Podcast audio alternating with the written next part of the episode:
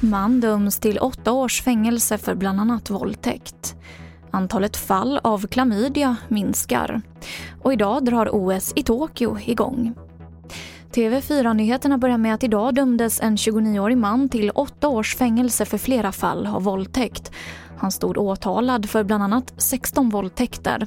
Han har suttit frihetsberövad sedan oktober förra året och kontaktade särskilt utsatta offer, bland annat personer med intellektuella funktionsnedsättningar och tvingade dem att skicka nakenbilder eller ställa upp på sexuella handlingar.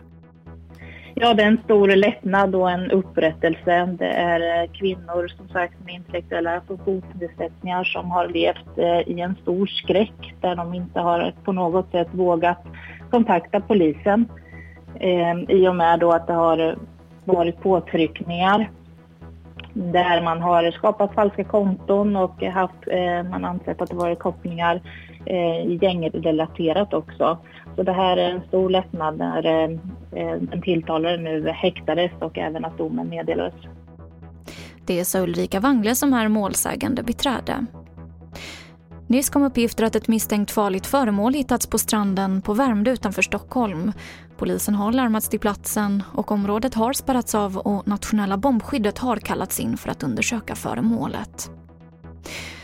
Antalet fall av klamydia har gått ner med nästan 20 procent det första halvåret jämfört med samma period förra året.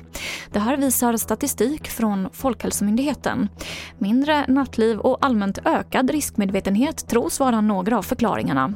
RFSU rapporterar också om en ökad kondomförsäljning. Och så kan jag berätta att idag så invigs sommar-OS i Tokyo och det är ett år försenat på grund av pandemin.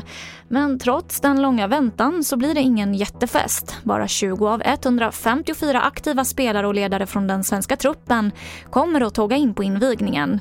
Och Olympiastadion i Tokyo tar visserligen in 68 000 personer men bara 950 åskådare kommer att finnas på plats. Och det här var det senaste från TV4 Nyheterna. Jag heter Emily Olsson.